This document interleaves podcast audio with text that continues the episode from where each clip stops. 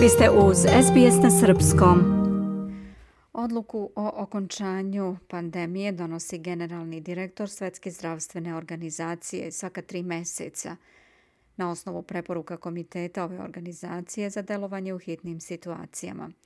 Komitet koji čine međunarodni eksperti sastao se 12 puta od kako je COVID-19 proglašen opasnošću po javno zdravlje od međunarodnog značaja, odnosno pandemija u januaru 2020.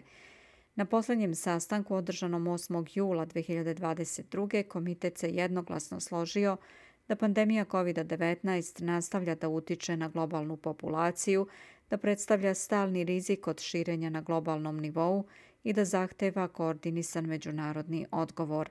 Odluka Svetske zdravstvene organizacije je obavezujuća za više od 190 zemalja potpisnica, uključujući Australiju. Profesor Steven Lee, direktor Instituta za kliničku patologiju i medicinska istraživanja u Novom Južnom Velsu, rekao je da će parametri kao što su ponašanje ljudi, ekonomski uticaj, mortalitet i morbiditet odlučivati o sudbini trenutne pandemije. Profesor Lee veruje da fraza nema više pandemije odražava samo puku želju građana u ovoj fazi.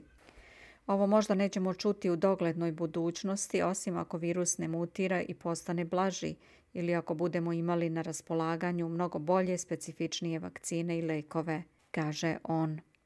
Izveštaji Svetske zdravstvene organizacije kao i širom sveta pokazuju da je virus nekoliko puta mutirao, ali nije izgubio virulenciju i dalje izaziva teške bolesti i smrt. Istraživači sa Univerziteta Monaš rekli su da je soj delta ili treći talas između juna i novembra 2021.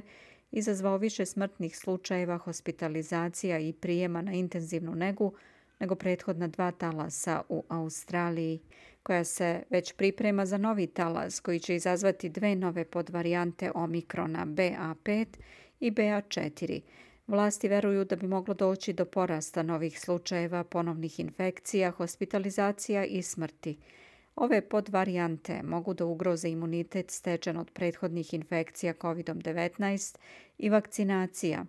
Ove podvarijante već podstiču hospitalizaciju i prijem na intenzivnu negu i primjenu intenzivnih terapija u nekim zemljama. Tehnički rukovodilac Svetske zdravstvene organizacije za COVID-19, dr. Marija Van Kerkove, rekla je da je pandemija daleko od kraja. We're really playing with fire here.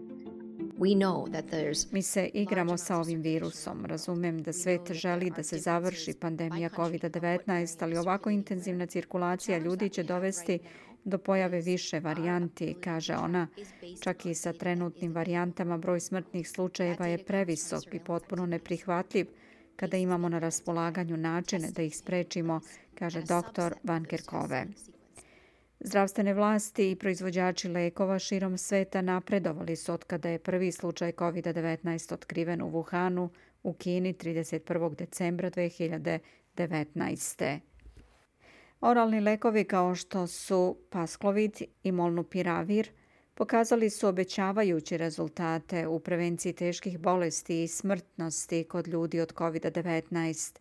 Istraživači sa Univerziteta u Adelaidi započeli su ispitivanja na ljudima za vakcinu koja cilja varijantu Omikron i buduće podvarijante i varijante. Velike kompanije za lekove kao što su Pfizer i Moderna također razvijaju slične vakcine. Godišnje vakcinacije protiv COVID-19 će verovatno biti uvedene za osobe sa visokim zdravstvenim rizikom. Postoji više od 10 grupa koji istražuju razvoj vakcina za nazalni sprej, kaže profesor Lee. Naučnici veruju da će COVID-19 vremenom preći iz pandemičnog u endemični oblik. Mike Ryan, izvršni direktor programa za vanredne zdravstvene situacije Svetske zdravstvene organizacije, upozorava da endemsko stanje ne znači da je problem gotov. Pandemija u endemiju samo menja etiketu, rekao je on. Endemske bolesti zahtevaju snažne programe kontrole kako bi se smanjile infekcije, patnja i smrt. HIV, malarija i tuberkuloza su endemske bolesti koje ubijaju milione ljudi na zemlji svake godine. Zdravstvene vlasti su već zabrinute zbog uticaja dugotrajnih posljedica covid što je također poznato i kao dugotrajni COVID ili se označava kao period nakon COVID-19. Dugotrajni COVID je stanje koje se obično javlja tri mjeseca nakon početka infekcije kod osoba sa simptomima verovatne ili potvrđene infekcije od virusa SARS-CoV-2. Profesor Danforn Lim sa Instituta za zdravstvena istraživanja rekao je da pitanja kao što su izolacija, ekonomski hendikep i nedostatak pristupa ljudima dodatno otežavaju složenost dugoročne nege obolelih od COVID-19. Rekao je da pandemija nikad nije gotova za ugrožene ljude.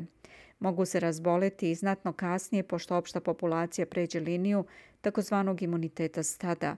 Ako imate bilo koji od sljedećih simptoma, odmah pozovite hitnu pomoć 30 i recite operatoru da vam je ranije diagnostikovan COVID-19. Izrazit nedostatak vazduha ili otežano disanje, jak bol ili pritisak u grudima, groznica ili povratna groznica, pogoršanje sposobnosti koncentracije i povećana konfuzija i teškoće pri buđenju. Ako osjetite i neke druge simptome nakon oporavka od COVID-19, kontaktirajte svog lekara opšte prakse ili drugog zdravstvenog radnika. SBS je posvećen pružanju svih novosti o COVID-19, multikulturalnim i višejezičkim zajednicama u Australiji. Budite bezbedni i informisani tako što ćete redovno posjećivati SBS koronavirus portal gdje ćete naći sve novosti na vašem jeziku. sbs.com.au kozacrta koronavirus. Želite da čujete još priča poput ove? Slušajte nas na Apple Podcast, Google Podcast, Spotify ili odakle god slušate podcast.